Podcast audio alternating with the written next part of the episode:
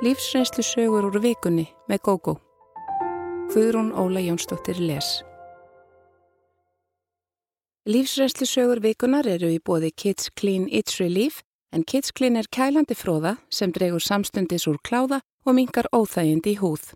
Nálgast má vöruna í öllum helstu apotekum landsins. Ég veit hvar þú átt heima.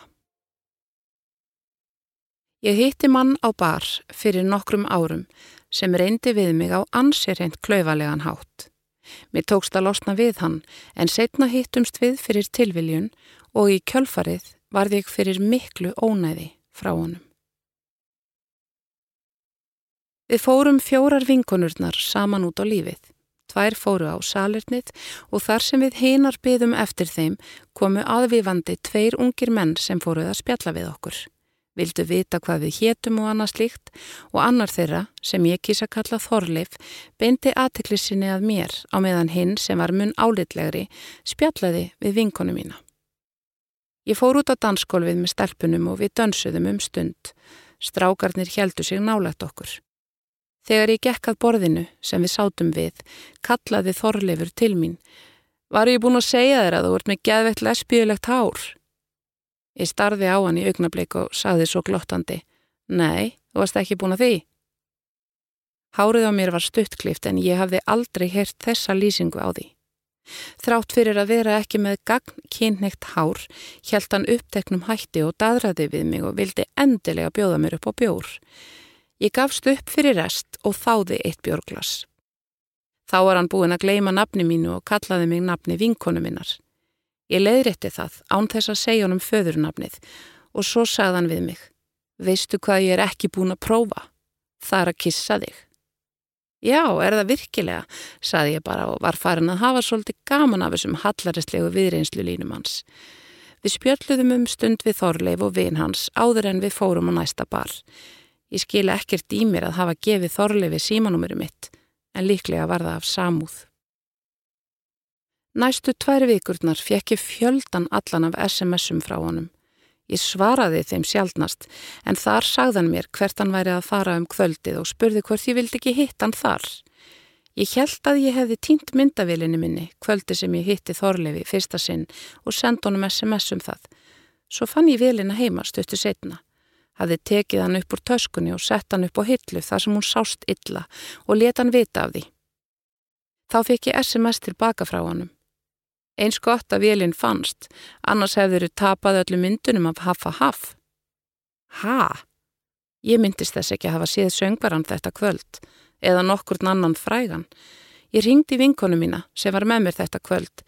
Ég þurfti kannski ekki að fullfissa mig um viðbyrði kvöldsins, heldur spurði ég hanna hvort það geti verið að blessaður ungi maðurinn hefði rugglað mig saman við einhverja aðra konu sem hann hafði væntanlega gert hósur sínar grænar fyrir sama kvöld. Það hefði verið í stíl við allt saman. Síðasta hressa SMS-i frá honum hljóðaði svona.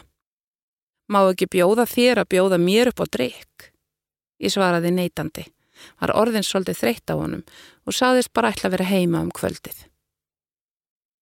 Það kom mér á óvart hversu illa hann tók því. Næstu tvo daga fekk ég yfir mig holskeplu af SMS-um frá honum. Þar líst hann því meðal annars yfir að ég var í grimm, hann hefði komið vel fram en ég kynni ekki gott að meta sem væru stór mistök hjá mér og allt í þeim dúr. Þorleifur virtist hafa búist við því að ég myndi hlaupa upp til handa og fóta bara vegna þess að hann reyndi við mig. Eins og mér væri nánast skilt að bregðast við viðreynslu hans og vegna þess að ég var sæmilega kurtis við hann virtist hann líta svo á að ég hefði áhuga. Ég svaraði honum aldrei, enda bjóst ég við að það æsti hann bara upp og að lokum hætti þetta ónæði.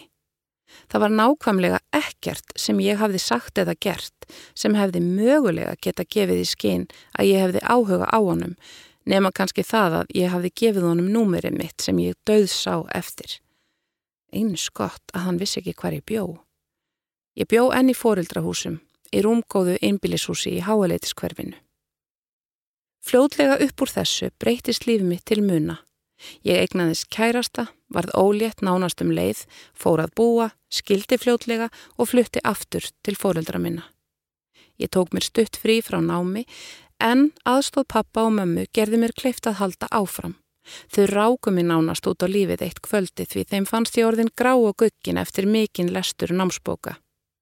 Ég líti þeim og dreif mig með vinkonu minni, einni þeirra sem var með mér kvöldi sem við hittum Þorleif. Og hver ætli hafi verið fyrsti maðurinn sem við sáum þegar við komum inn á barinn? Jú, það var Þorleifur. Við letum það ekki aftra okkur frá því að skemmt okkur en ég bjóst valla við því að hann þekkti mig. Við skemmtum okkur konunglega þetta kvöld. Annars lagi tók ég eftir því að Þorleifur starði á mig en ég let á engu bera. Þetta allir mér engum óþægindum. Ég ímyndaði mér að hann kannadist við mig en væri ekki viss. Fannst þó skrítið að hann skildi ekki reyna að tala við mig og var döð fegin því að hann gerði það ekki. Ég tók leigubil heim um tvöleitið og strax um nóttina fekk ég fyrsta SMS-ið sem kom úr leininúmeri. Ég veit hvar þú átt heima. Ég sá skilabóðin þó ekki fyrir en daginn eftir og ákvaða svar ekki. Mér grunaði strax að þau væru frá Þorlefi. Næstu vikurnar fekk ég fleiri skilabóði síman minn og fór smám saman að finna fyrir vannlíðan vegna þeirra. Þau voru personuleg og greinlegt var að þessi aðili fyldist með mér. Þú ert sæti bláu. Girtnilegur kjúklingur sem þú borðaðir í kvöld. Dóttir þín er lík þér.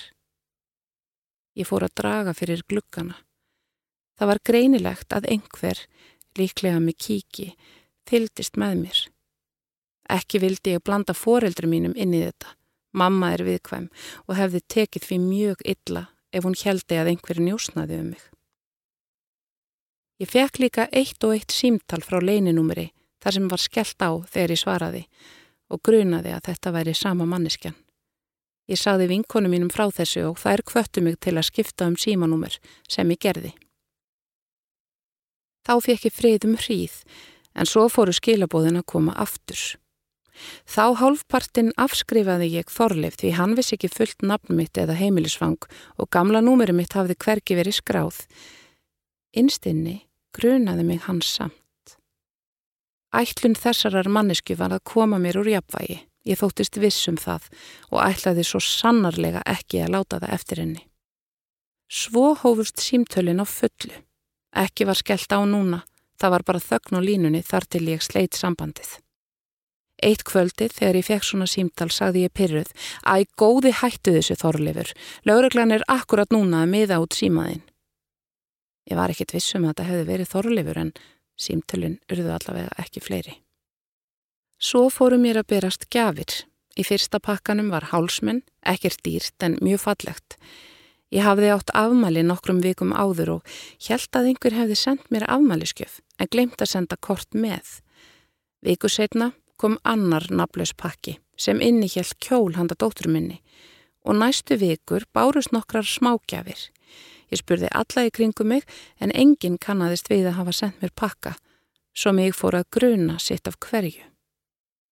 Að lokum talaði ég við laurugluna og fekk góðar viðtökur þar en ekkert kom út úr því samt. Þarna komst ég að því að svona mál eru miklu algengari en mig grunaði. Láreglumadurinn sagði að mikið væri um allskins ónæði á borð við þetta en oftast gengi þetta yfir. Ég vildi ekki kæra Þorleif vegna grunns, hafði ég ekki rústa lífi hans nógu mikið með því að veri ekki til í tuskið. Þetta reyndist rétt hjá láreglumanninum. Ónæðið hætti eitt góðan viðurdag. Gjafirnar frá ókunna sendandanum fóru allar í góða hyrðin og einstaklega góð tilfinning var að losna við þær úr húsinu. Um það byl ári eftir að ég fekk síðustu gjöfina fór ég á pöpparöld með vinkonu mínum. Á einum pöpnum hittum við félaga Þorleifs þennan sem var með honum kvöldið góða. Ég hefði ekki þekkt hann í útliti en það gerði einu vinkonan, svo sem hann hafði talað sem mest við þá. Hún brosti til hans og skömmu síðar koma til okkar. Þetta reyndist vera fínasti strákur sem bauð af sér góðan þokka en var svo litið feiminn. Talið barsta því ónæði sem ég hefði orðið fyrir um hríð og að mig grunaði sterklega að Þorleifur hefði staðið fyrir því. Þessi maður, Óli, staðfesti grunminn en hann hafði ekki haft hugmyndum hversu langt Þorleifur hafði gengið. Þorleifur var gamal skólabróður hans og djamfélagi um tíma eða þar til hann fór að verða eitthvað skrítin að mati Óla. Þorleifur var vissulega klaufi í samskiptum sínum við konur og miskildi yðulega brós sem einhvers konar samþykki. Það var þó í fínu lægi, bara krútlegt, en svo fór Þorleifur að breytast. Óla grunaði fyrst að hann væri byrjaður í dópi og þótti óþægilegt að vera nálagt honum, en hann var ekki viss.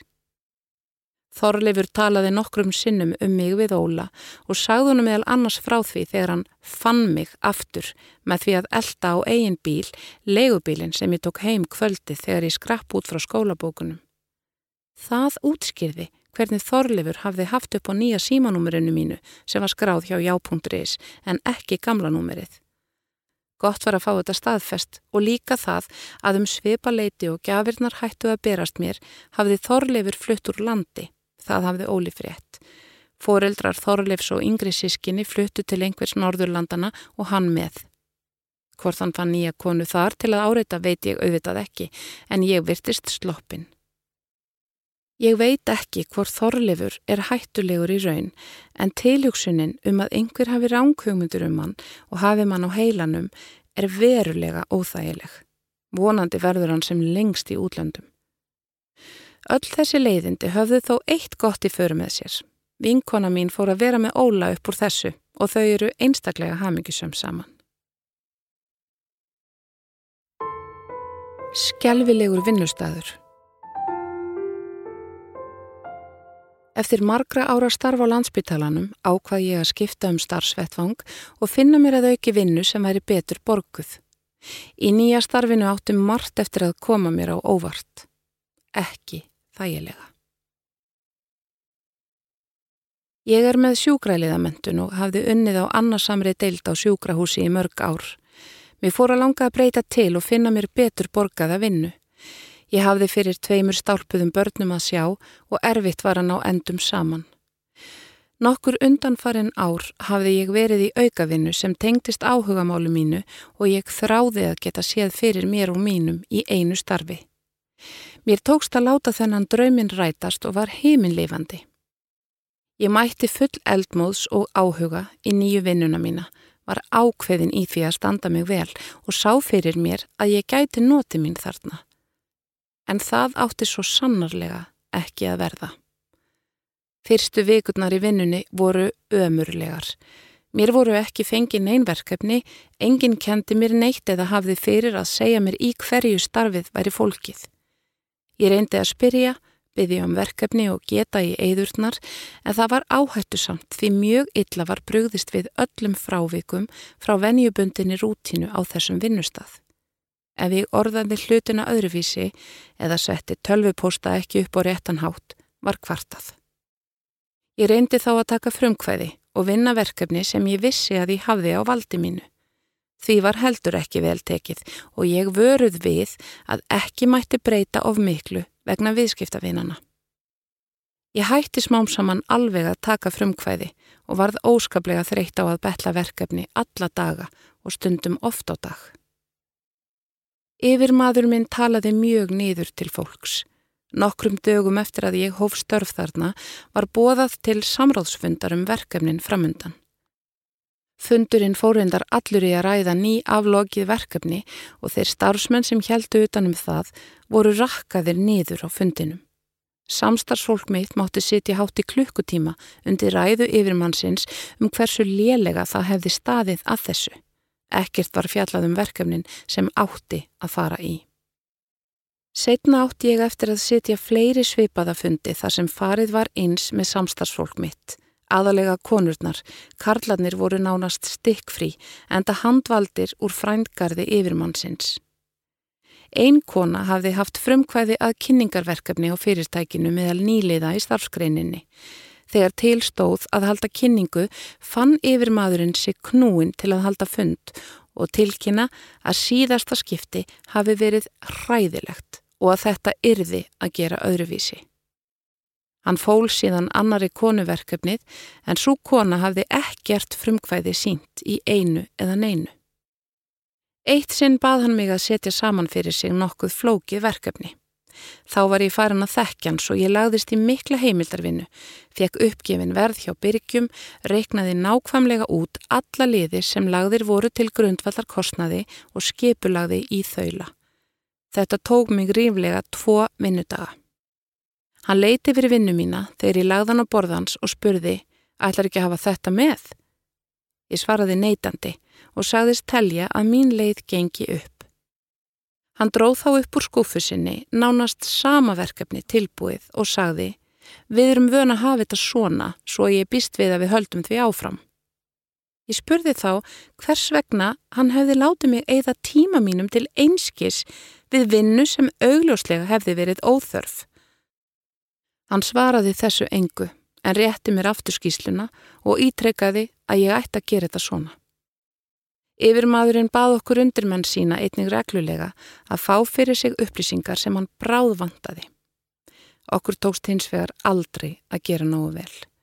Eitthvað vandaði upp á í hvert einasta skipti og hann hafði nýjar og nýjar spurningar í hvert sinn sem við komum með svör.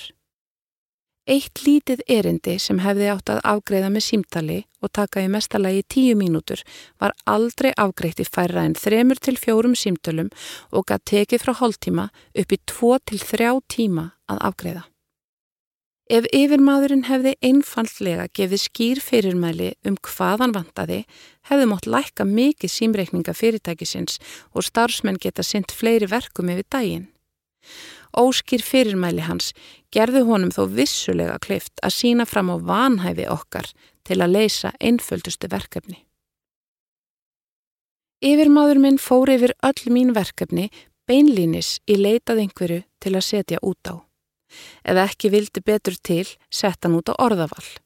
Eitt orð sem ég hafi kosið að nota var ekki alveg nógu lýsandi og hann kallaði mig inn á skrifstofuna sína til að áreita þetta. Ég verð að játa að oft sögð á mér þegar kallað var í þriðja og fjórðaskipti bara til að sína mér eitthvert smáatriði sem fara mætti betur. Punktur hér, koma þar eða eitthvað smáorð var það stórmáli og ég var stöðugt að standa upp frá skrifborðinu mínu og gangin á skrifstofuna hans til að fá þau skilabóð. Ekkert sem ég gerði var nokkru sinni sendt út úr fyrirtækinu öðruvísi en hann eða einhver annar reyndari starfsmæður hefði farið yfir það og gefið samþykkið sitt á að það erði sendt. Þegar eitt sinn kom upp að Villa hafði leinst í skjali frá mér, neytaði hann að bera nokkra ábyrð og hjælt fram að ég hefði í þetta eina sinn sendt frá mér efni án þess að nokkur annar hefði komið þar að. Ég vissi hins vegar að svo var ekki enda búið að brína fyrir mér að það mætti ekki. Í þetta sinn fann yfirmaður minn sér knúin til að senda tölvupóst á alla starfsmenn um að ég hefði gert þessa villu og nú yrði að bregðast við. Setna kom upp tilvik þar sem hann hafi gert nákvæmlega sömu mistök og þá var sendur tölvupóstur um að þetta hefði komið upp og nú væri rétt að grýpa til aðgerða. Engin nöfn voru nefndi það skipti. Hálfu ári síðar sögð upp úr og ég svaraði yfirmanni mínum fullum hálsi. Aðalstarfi mitt var að fylla út skýslur en þær voru ekki alltaf eins. Ég fylgdi eina út eftir því sem ég vissi best en þetta var annars konar vara sem umrætti og ég átti greinilega að vita það og merkja öðruvísi við. Þegar hann hund skammaði mig fyrir að gera skýsluna ekki rétt, spurði ég hann hvort ekki hefði verið fljóðlera að kenna mér í stað þess að láta mig alltaf læra af mistökum þegar eitthvað nýtt kæmi upp á. Þegar hann sagði mér að ég væri búin að vera nógu lengi þarna til að vita þetta, bendi ég honum reyðilega á að þetta væri í fyrsta skipti sem ég fengi svona skýslu til að vinna og mér hefði ekki verið sagt neitt um að hún væri frábröðin hinum. Þetta fannst yfirmanni mínum kjáftáttur og nokkrum dögum setna fekk ég uppsagnabref. Ekki sá ég vitund eftir þessu starfi en mér fannst slæmt að hafa verið sagt upp, en það hafði aldrei gerst áður. Kvíðanhúturinn sem ég hafði verið með í maganum í marga mánuði var lengi að leysast upp og enn finn ég stundum fyrir honum. Ég var líka farin að evast um eigin domgreint og meðan ég var enni vinnu þarna fór ég margóft yfir verkefnin mín alltaf fullvisum að allt væri vittlust. Ég er ekki í vafa að vegna öryggisleysis míns breytti ég stundum því sem rétt var þannig að það varði rámt. Það tók mig langan tíma að takast á við afleiðingarnar að veru minni á þessum vinnustad. Hvíði gerði reglulega vart við sig og ég átti erfitt með svefn. Ég heyri af og til frá fyrrum vinnufélögum mínum þarna sem segja mér að reglulega takist þessum yfirmanni að rekja gott fólk úr starfi. Fyrrum yfirmaður minn fretti af þessu og bauð mér að koma aftur til vinnu. Ég þáði það og fann að ég hafði haft mjög gott af því að taka mér þetta frí frá sjúkrahúsinu því ég mætti endur nærð í gömlu vinnuna mína aftur mánuði eftir að ég hætti á hinum stanum. Hið fullkomna líf Ég hef alltaf verið mjög romantísk og að auki með fullkomnunar áróttu svo ekkert annað en fullkomin maður kom til greina til að verja hinnu fullkomna lífi með mér. Ég var byrjuð að undurbúa brúðköp mitt og unnusta míns þegar Babb kom í bátinn. Ég lagði mig alla fram við valið á draumaprinsinum og þegar ég hitti Helga á kaffihúsi eitt lögataskvöldið og byrjaði að hitta hann í kjölfarið, fyltist ég vissu um að hann væri sá eini rétti. Ég var 28 ára og hann þremur árum eldri, yðinmentaður og með rýfandi tekjur sem myndi auðvelda okkur að lifa því lífi sem ég sá fyrir mér. Sjálf var ég vel mentuð í uppeldisgeiranum en ekki með há laun með við hann. Helgi var ekki bara sætur, heldur líka bráð skemmtilegur og uppfyldi algjörlega skilirðin sem ég hafði sett í huganum gagvar tilvonandi eiginmanni. Ég var ekki mjög reyndi í ástamálum en hafði þó verið í fjórum samböndum með mönnum sem reyndust ekki þeir réttu eftir að ég hafði kynst þeim betur. Eitt drakk of mikið, annar var nýskur og allt í þeim dúr. Við Helgi vorum farin að búa saman örfáu mánuðum eftir að við hittumst í íbúðinni hans en við ætluðum að stækka við okkur þegar börnin færið að koma í heiminn og kaupa þá rathús í nýju hverfi. Íbúðina mína legði ég út en ég ætlaði að selja hana þegar við keiftum okkur aðhúsið og helgi sína íbúð. Ári eftir að við kynntumst settum við upp ringana og heldum trúlofunarparti fyrir vini og vandamenn. Ég hafði ákveðið að trúlofast bara einu sinni á lífsliðinni og það rétta manninum. Við stemdum á brúðköp og völdum flotta dagsetningu. 07. 07. 07 en tvö ár voru í þann viðburð. Til að hafa allt sem fullkomnast vildi ég býða með barnignir. Mér fannst ekki sniðugt að vera ólétt brúður og ég vildi heldur ekki vera komin með líti barn. Þetta átt að vera dagurinn okkar helga. Sistru mínum fannst nógum þetta allt saman og strítum mér góðlátlega. Vinkonur mínar voru þó í sveipuðum sporum en mér fannst þær gera svo litlar kröfur til alls, lífsins og kærastana. Einn var meira að segja að hugsa um að giftast hjá síslumanni, fara út að borða með nánustu vinum og ættingum og skella sér í helgarferð til London daginn eftir. Mér fannst það að virka frekar ömurlegt og reynda seginni að þetta væri stæsti dagur í lífi hverjar konu og að hann ætti að verða ógleimalegur. Hún hló bara og sagði að hún nefndi ekki að vera með rjómatertu brúðköp og kærastinn hennar ekki heldur. Þau vildu lögkilda sambandi þar sem þau ættu þegar tvö börn og aðferðin við það skipti ekki öllu. Við gátum ekki verið meira ósamála. Ég byrjaði að undirbúa brúðköpið en bara í róliheitunum því enn voru tvö ár í stóra daginn. Svo fór fullkomna lífið mitt að leysast í sundur. Eitt af því fyrsta sem opnaði augum mín gerðist á förstudags kvöldi. Helgi hafði skotist í næstu íbúð til að aðstóða nágranna okkar og hafði glemt Facebook aðganginum opnum í fartölfunni sinni á eldursporðinu. Fyrir tilviljun sá ég glugga spretta upp og einhver Marja skreifaði Hæ sæti minn, takk fyrir síðast, saknaðinn. Mér brá ábáðslega og skellti tölfunni aftur. Dægin eftir herti ég upp hugan og spurði hver þessi Marja væri. Helgi reytist og ásakaði mig um að ég njósnaði um hann. Ég held nú ekki, slíkt gerði fólk ekki. Þá sagðan mér að þessi kona væri gömul skólasistir sem hann hefði rekist á fyrir tilviljun og þau væru bara vinir á Facebook. Er eitthvað fleira sem ég ætti að vita um? spurði ég. Helgi fullvisaði mig um að svo væri ekki. Hann kisti mig bless og dreif sig í vinnuna, en hann vann ofta lögardögum. Þegar hann var farin, kíkti ég á listan yfir Facebook-vini hans Helga og fann þessa Maríu.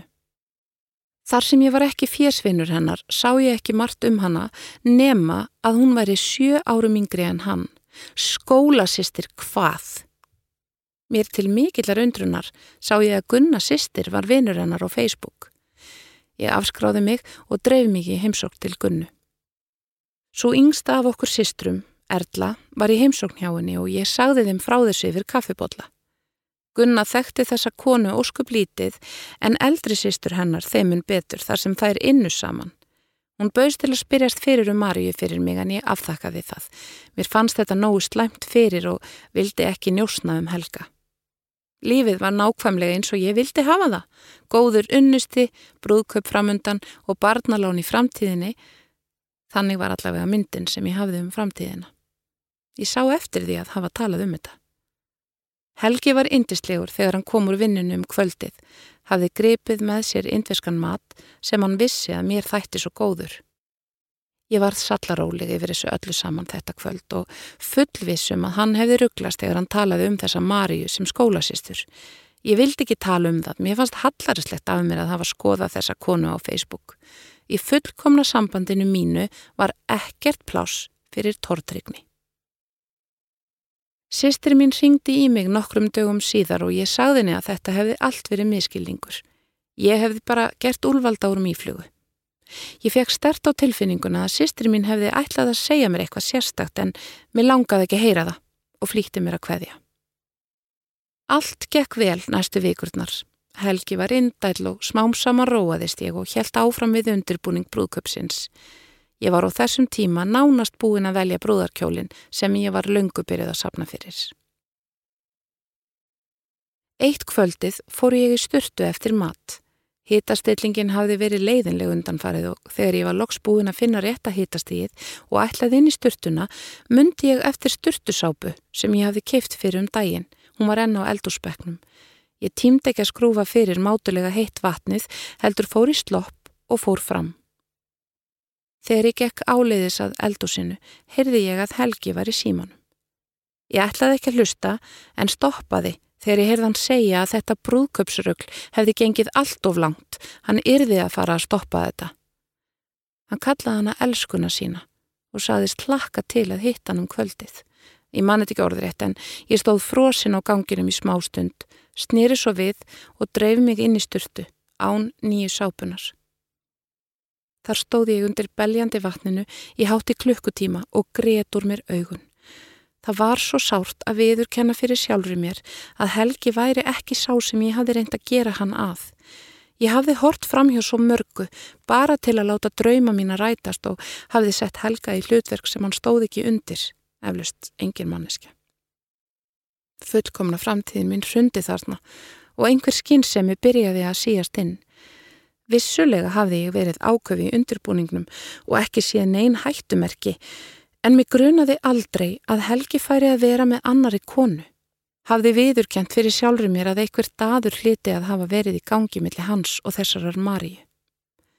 Helgi kallaði inn á batil mín og kvatti en hann hafði sagt mér fyrir um kvöldið að hann ætlaði að hjálpa vini sínum. Sjúr. Ég dreif mig fram þegar Helgi var farin.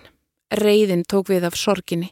Mér langaði að kýla Helga á þessa konu en samt var ég reyðust út í sjálfa mig. Ég vildi ekki tala við neitt. Gekk herbergi úr herbergi, skoðaði fallegu hlutina okkar og hófa hveðja í huganum fullkomna lífið mitt sem hafði samt aldrei verið fullkomið ef úti það var farið. Mér fannst ég hafa verið svo batnaleg og heimsk. Þetta kvöld byrjaði ég að fullornast og losna úr fjötrum þessa drauma heims sem ég hafði búið til. Ég hafði ekki bara sett sjálfa mig í hlutverk heldur líka helga og slíkt kann aldrei góðri lukkuð að stýra. Ekki hætti ég þó að elskan strax. Einhver staðar innst inni þráði ég að allt er þið gott á millokkar. Ég ringdi í Gunnu sýstur og spurði hvort ég mætti búa hjá henni þar til íbúðin mín losnaði úr leiku en svo heppilega vildi til að leiandin minn var að fara í nám til útlanda eftir tvo mánuði og ég var ekki búin að finna nýjan. Gunna sagði það sjálfsagt. Hún fann að ég gati ekki rætt málinn þarna svo hún spurði einskis. Skilnaðurinn var sár eins og eflaust hjá flestum og lengi vel var ég lömuð af sorg. Ég þurfti ekki bara að sætta mig við að missa helga, heldur líka framtíðarminningarnar sem sátu svo fastar í kollinum á mér. Helgi viður kendi strax að hann væri byrjaður með annari konu, flutti fljótlega til hennar og setti íbúðina sína á sölu. Hann var meira en sangjart þegar við skiptum innbúinu sem við höfðum keift saman og gæti samviskupið hans hafa spilað inn í. Gunnar sýstri hafði kannad málið og komist að því að Helgi og Marja hefðu verið saman um hríð og hún byði eftir því að hann yfirgæfi mig og færi til hennar. Helgi hafði dreyið það af óta við að særa mig. Smám saman jafnaði ég mig. Það leið ótrúlega stuttur tími þanga til ég var komin með húmor fyrir fullkomna lífinu mínu sem ég reyndi að skapa og fór að finna fyrir létti og feginleika. Laugardaginn 07.07.07 held ég brjálað parti til að fagna nýja lífinu mínu og þótt þetta hefði átt að verða brúðköpstagurinn minn fann ég ekki fyrir neinu. Samstarfskona mín og vinkona tók gamlan vinsinn með í partíið og við tvö fjallum killi flött hvort fyrir öðru eins og hana hafði grunað. Fáranleg tilviljun að kynast honum þennan dag. Við höfum verið saman síðan þá og ef við giftum okkur verður það ekki neinn flugöldasýning. Ég er búin með þann pakka. Við eigum saman dóttur og lífið gæti ekki orðið betra. Ég er fullvisum það að ef ég hefði haldið áfram að lifa gamla, fullkomna lífinu mínu, hefði ég ekki orðið hafmyggisum. Ég dætt vissulega stundum í gamla gýrin en aldrei lengi. Það er dásamleg tilfinning að leifa sér að vera svo litið ófullkomin og þeirri frelsistilfinningu vil ég ekki fyrir nokkurt mun glata. Illt innræti Bróður minn var einstaklega anstíkilegur við mig þegar við vorum lítil og ég var oft döðrætt við hann. Hann var lúmskur og gætti þess vel að enginn sæi til hans þegar hann kvaldi mig svo ég fekk skammir fyrir að klaga og ég vil skrökva. Ég hjælt um tíma að dóttir mín hefði erft skapferðli hans en sem betur fer reyndist annað vera í gangi hjá henni. Við erum þrjú sískinin og ég yngst. Annar bróðir minn er tíu árum eldri en ég og hinn fjórum árum eldri. Sá yngri ætlaði greinilega að gæta þess vel að gleymast ekki sem miðbarnið í hópnum. Fólk spurði mig yðurlega hvort ég væri ekki algjör degur dulla yngst og eina stelpan. Ég svaraði stundum játandi, en raunin var svo að Maggi bróðir heimtaði alla aðteklina. Í nokkur ár held ég að amma mín, sem ég er þó skýrði höfuðið á, væri bara amma hans en ekki mín. Hann rekti mig enda laust og tókst meðal annars að gera mig óða úr hæðslu við drauga. Ég veit full vel að sískinni stríða hvert öðru, slást og rýfast, en hegðun bróður mín skakvart mér gekk miklu lengra en eðlilegt var. Það var eins og hann hataði mig.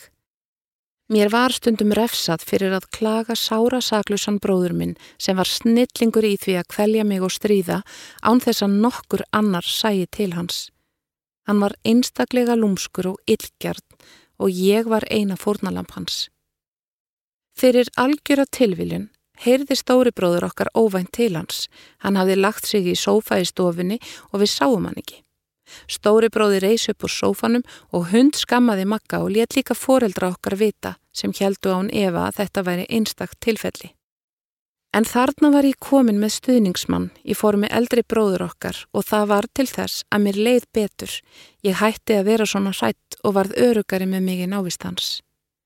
Í kjölfarið var líf mitt mun auðveldara því ekki var ég að gaman að stríða mér og áður.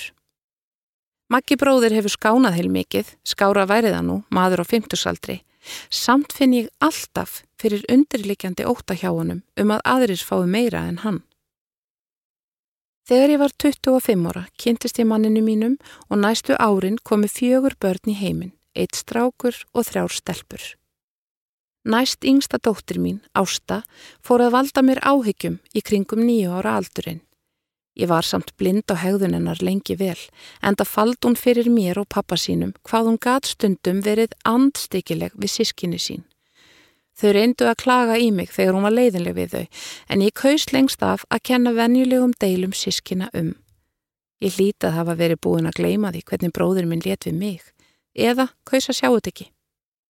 Dóttir mín var vissulega mjög krefjandi og passaði sérlega vel upp á að enginn fengi meira en hún og hún helst mest, en þar sem réttlætiskend sískina hennar sá til þess að þau svöruði í sömu mynd, beindi ég síður aðtikli minni að henni en hinum, Yngsta dótturinn var oft veik fyrstu árin sín og aðtegli mín var mikið á henni. Ég var einhvern veginn vissum að krefjandi framkoma ástu væri vegna of lítillar aðtegli frá mér. Þegar ég reyndi að bætinu það upp var hún bara enn meira krefjandi. Mér fannst hún erfið, hún öldraði mikið og sískinni hennar kvörtuðu æg meira undan henni. Þegar enginn sá til var hún leiðinleg við þau en ég vildi ekki trúa því. Ég skammaði þau fyrir að klaga og sá að það gerði ástu ánægða svo ég held að ég væri að gera rétt. Ásta átti nokkrar vinkonur sem voru lengst af mjög tryggar henni en þeim fækkaði jamt og þétt. Haustið sem Ásta var tíu ára komu upp mikið leiðindi í skólanum og ég sá ekki betur en að stelpan mín væri lögði eineldi. Engin vildi leika við hana og engin segja hvers vegna allavega ekki til að byrja með. Þetta var hræðilegt tímabill. Ég gerði allt sem ég gatt, talaði við skóla yfirvöld, kennaran og fóreldra hinnabarnana. Þá fyrst komst ég að því að ástætti til að vera mjög leiðinleg við hinbörnin sem voru farin að forðast hana.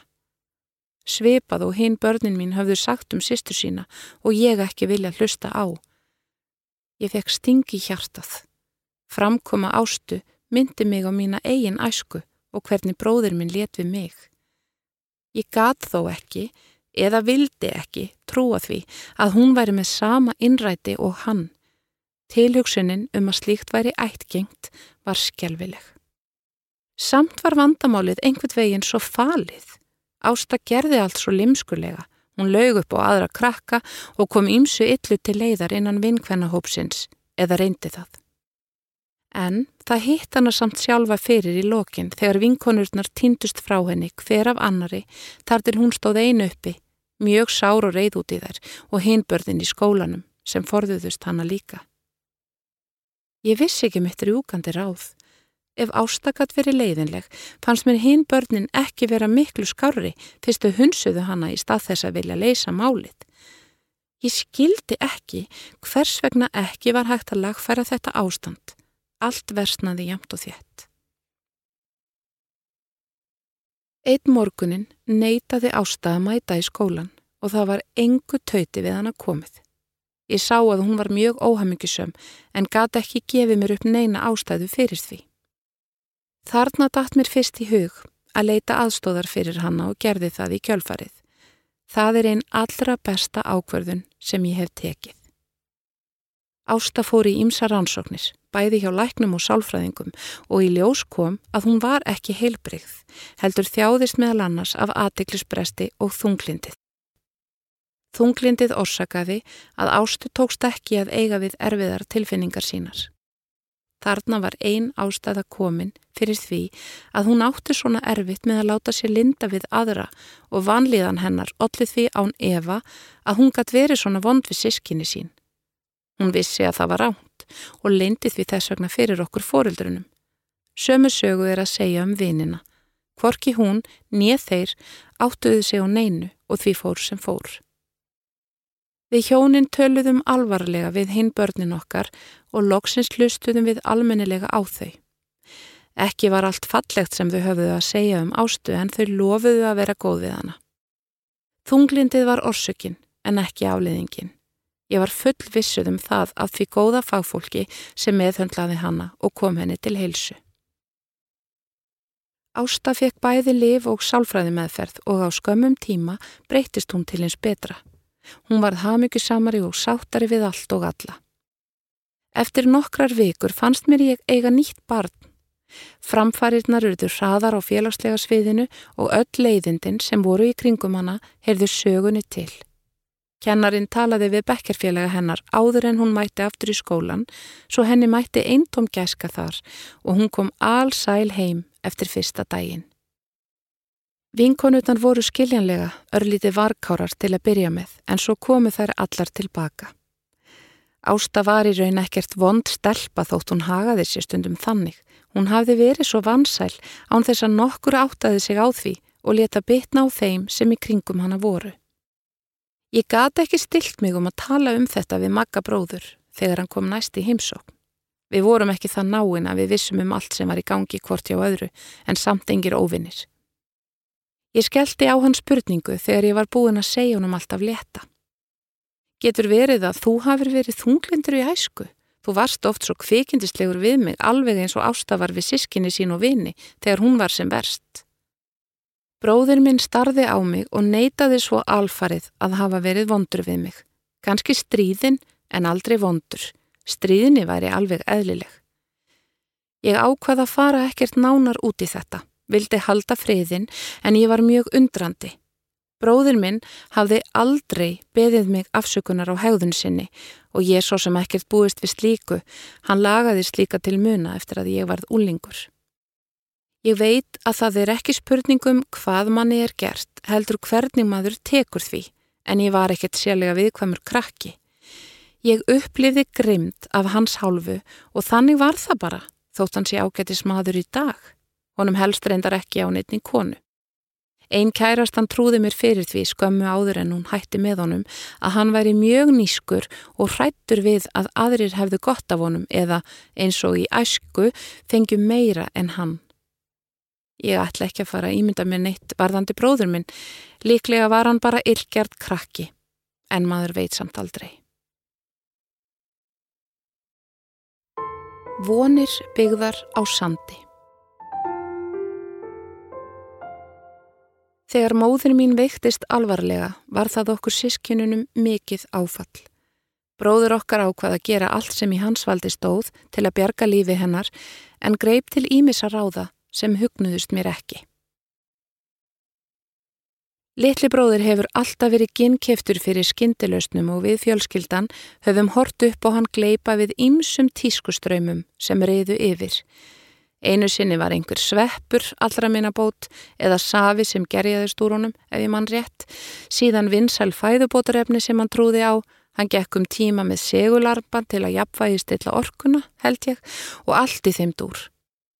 Þessi sami bróðir minn tók þátt í peningakeðjubrefum þegar það var vinsalt á nýjunda eða tíunda áratögnum og var mjög sár út í okkur fjölskylduna fyrir að hafa ekki hoppað á þetta og keift brefavonum. Hann keifti rándýra riksuga af sölumanni og var svo spentur að hann kom heim til okkar fjölskyldumæðlimanna til að riksuga rúmin okkar og skildi ekkert í því af hverju við keiftum ekki svona riksugu. En nú í mörg ár hefur þessi riksuga safna riki í bílskurnum. Bróður minn er ekki heimskur en hann er bæði áhrifagjarn og öfgafullur þegar eitthvað nær tökum á honum. Við ólumst upp við gott atlæti. Pappi og mamma ráku saman fyrirtæki sem gekk mjög vel. Þau tóku aldrei áhættu, heldur unnu mikið og sköpuðu sér gott orðspor sem skilaði sér vel þótt engin ofsagróði væri. Við gátum ferðast og veitt okkur sitt af hverju og ég fór til dæmis í háskóla Erlendis til að menta mig með aðstóð pappa og mömmu þótt ég hefði vel geta lært hér heima. Stóri heimurinn var miklu meira spennandi í mínum augum. Einnig yngri sýstur minnar sem fetaði í fótspór mín og virtist ætlað ílendast í útlandinu hjá kærastanum sem hún kynntist ytra. Þegar ég kom heim aftur fór ég að vinna við fjölskyldufyrirtækið. Bróðir minn hafði kosið sér annan starfsvettvang sem hann taldi vera mun meira spennandi. Hann þurfti stundum hjálp frá okkur þegar hann hafði málað sig út í hort fjárrakslega. Hann læriði þó smám saman að setja ekki öll ekkin í sömu körfuna og brendi sig aldrei á því sama aftur, en öfgarnar tóku sig reglulega upp hjá honum. Pappi dó aðeins rúmlega sextugur eftir skamminu veikindi og við reyndum að styðja mömmu eins og við gátum. Hún var mjög sterk og var í raun kletturinn í lífi okkar sískinanna á þessum erfiða tíma. Fyrirtækið gekk vel en ég fann nokkrum árum eftir dauða pappa að mamma var orðin nokkuð þreytt á reksturinnum. Hún bauð mér að taka henni yfir en mér langaði meira að breyta til, vildi geta til fimm og hafa engar áhyggjur þess á milli. Ekki það að áhyggjur hefðu svo sem verið að slega mig en vinnan í kringum fyrirtækið var líjandi í kringum mesta annatíman.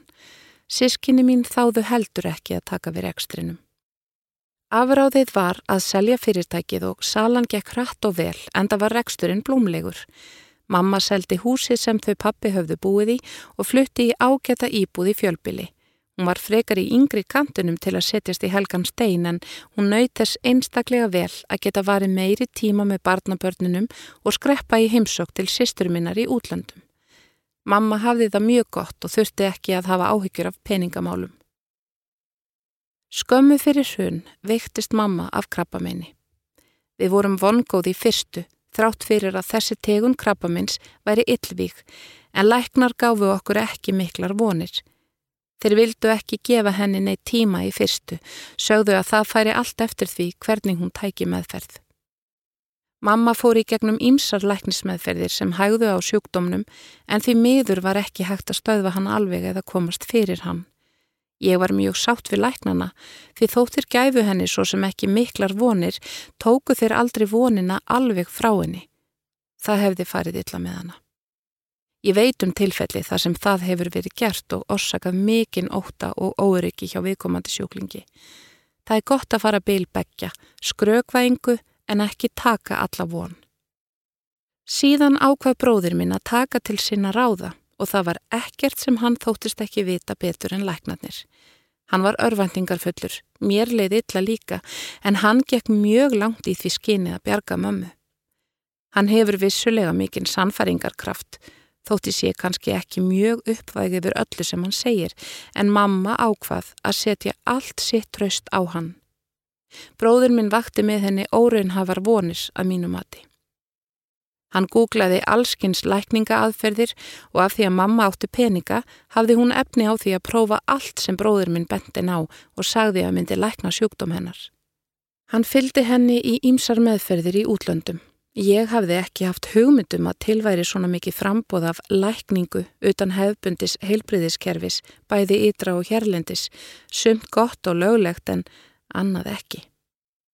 Það var frábært þegar mamma fór að borða hotlari mat, hreyfði sig meira, fór í nutt og jafnvel nálastungur. Henni leið betur af því, það var greinilegt og til að byrja með voru engin lofvort gefin um bata. Það var ekki fyrir en bróðir minn fann sífælt undarlegri leiðir á ýmsum stopnunum Erlendis þar sem átti að komast fyrir meinið. Síðasta árið hennar mömmu voru það fókdýr júrtalif sem smiklað var hinga til lands. Þessi lif höfðu góð áhrif á mömmu andlega því hún trúði á mátt þeirra en ég efast þó stórlega um að þau hafi lengt líf hennar. Henni helt áfram að raka jamt og þjætt og mér fannst svo sárt að horfa upp á hana eða nánast öllum sínum tíma í tilgangslitlar lækninga aðferðir að undirlægi bróður míns sem ætlaði sko að kominni heitli í gegnum þetta. Þegar læknar sögðu mömmu að ekki væri hægt að gera meira fyrir hana, vildi bróður minn ekki trúa því. Hann hafði fengið mömmu til að eigða mörgum miljónum í ímsar óhefbunnar lækningar bæði hér heima og erlendis en ekkert virðist hafa dögað, nema kannski til að gefa mömmu aukna von. En vonbriðin voru líka sár þegar í ljós komað vonin var byggð á sandi. Mamma lifði í tæp þrjú ár eftir að sjúkdómurinn uppgötvaðist. Þegar jarðarfurinn var yfirstaðinn og sýstri mín var farin út aftur, rifumst við bróðir minn. Það var kannski ekkert skrítið að við rifumst. Ég var allan tíman ósátt við hann fyrir að hafa lagt þetta allt á mömmu til einskis, þótt ég segði sjálfnast nokkuð. Mamma vildi hafa þetta svona og stökka á allt sem bróði minn bendi á. Stundum fylgist ég smá von, ég viðurkenni það, en þegar ég hafði skoðað máli betur, kynnt mér svo kallaða rannsóknir sem áttu að liggja að baki og hvað var á bakvið svo kallaðara læknisgráður, áttaði ég mig á því að það var bara verið að blekja fólk. Bróður minn ásakaði mig fyrir að hafa ekki lagt mig jafn mikið fram við að reyna að bjarga lífi mömmu og hann gerði. Ég sagði á móti að allt þetta humbúk sem hann hefði plata mömmu úti hefði ekki lengt líf hennar, heldur bara eitt peningunum hennar. Það væri ekkert skrítið að varað væri við sömum aðferðum sem notast væri við og að aðrar væri hreinlega ólöglegar. Til dæmis þessi júrtalif sem smikla væri til landsins og seld dýrum dómum. Þau hefðu ekki gert mikið gagn. Bróður minn grei bara eitt á lofti af því sem ég sagði og það var um peningana. Það hlakkaði í honum þegar hann sagði að ég sæi bara eftir peningunum sem mamma hefði eitt í lækninguna. Það væri ástæðan. Ég hefði ekki vilja láta högva svona í arfin. Mér fannst þetta ekki svaravert og sagði honum það. Ég leitt aldrei á peningamömmu sem eitthvað sem tilirði mér. Ég hefði frekar vilja sjá hann að verja peningunum sínum í til dæmi skemmtileg ferðalög á meðan heilsan lefði. Mér fannst bróður minn hafa tekið af henni þennan tíma sem hún hefði geta nota til að njóta síðustu æfi árana, en ég ákvaða að segja það ekki við hann. Ekki veit ég hvort ferðalög hefðu lengt lífi mömmu en ábyggilega til japs við skotturlækningarnar, það er að segja ef það er gerðu henni nokkuð gott. Bróður minn spurðist fyrir um dýru júrtalifin eftir lát mömmu og fekk að vita að mamma hefði líklega verið orðin og veik þegar hún byrjaði að taka þau bara ef hún hefði byrjað fyrr og bróður minn gleifti þetta rátt. Við hruni tapaði mamma einhverju fjö en mun minna en margir. Hún fekk mörg símtur frá bankanum sínum skömmu áður en allt hrundi en vildi engu breyta. Hún var orðin veik og hafði ekki orku til að vasast í fjármálum. Henni var ráðlagt að færa peningana sína á aðra reikninga sem gæfu henni meiri arð en mamma saðist hafa nóg fyrir sig Þrátt fyrir að bróður minn ráðleiði henni að fara eftir ráðum bankans, stóð mamma först fyrir. Það var grátlegt að horfa upp á mömmu sóa miljónum í meðferðir sem báru ekki þann árangur sem lofað var.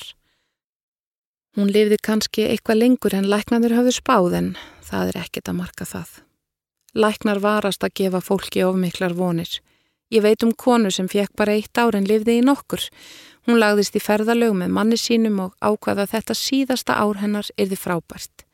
Hún tók livíunum betur en læknar þorðu að vona en hún eitti ekki síðustu árunum í örvendingar fulla leita lengra lífi eins og mamma gerði. Fólk verður auðvitað að fá að gera það sem það vill og ég virði vilja mömmu þótt ég hafi ekki verið sammóla henni í þessu. Við sískinin vorum ekki ósátt lengi Ég tók þá ekki undir neitt bull hjá honum heldur stóð við mitt en það var vissulega val mömmu að eldast við þetta. Bróður minn hefur lítið breyst en mér líst þó betur á þann ákafa sem hann sínir nú við að halda heilsunni. Hann hjólar um allt og borða ráfæði og aðra hotlustu sem er auðvitað það eina rétta í hans huga eins og flest annað sem hann tekur í sig. Ég verða viðurkenna að maturinn sem bróður minn býr til er afbræðs góður. Ég vona að þessi áhugi hans dugi út lífið og honum hefur tekist að smita mig af heilsuræktar áhuganum upp að vissu marki. Ég segi þessa sögu af mömmu bara til að vara fólk við. Auðvitað vita læknavísindin ekki allt og þau eru ekki almáttug. Ímsar óhefbundnar leiðir eru til sem láta fólki líða betur. Ég er hrifin af sumum þeirra en það er til fólk þarna úti sem stór græðir á því að blekja veikt fólk og gefa því falska von um lengra líf. Þú varst að hlusta á lífsreynslusögur úr vikunni með GóGó í lestri Guðrúnar Óli Jónsdóttur og framleiðslu Storysight árið 2020. Höfundaréttur Vikan.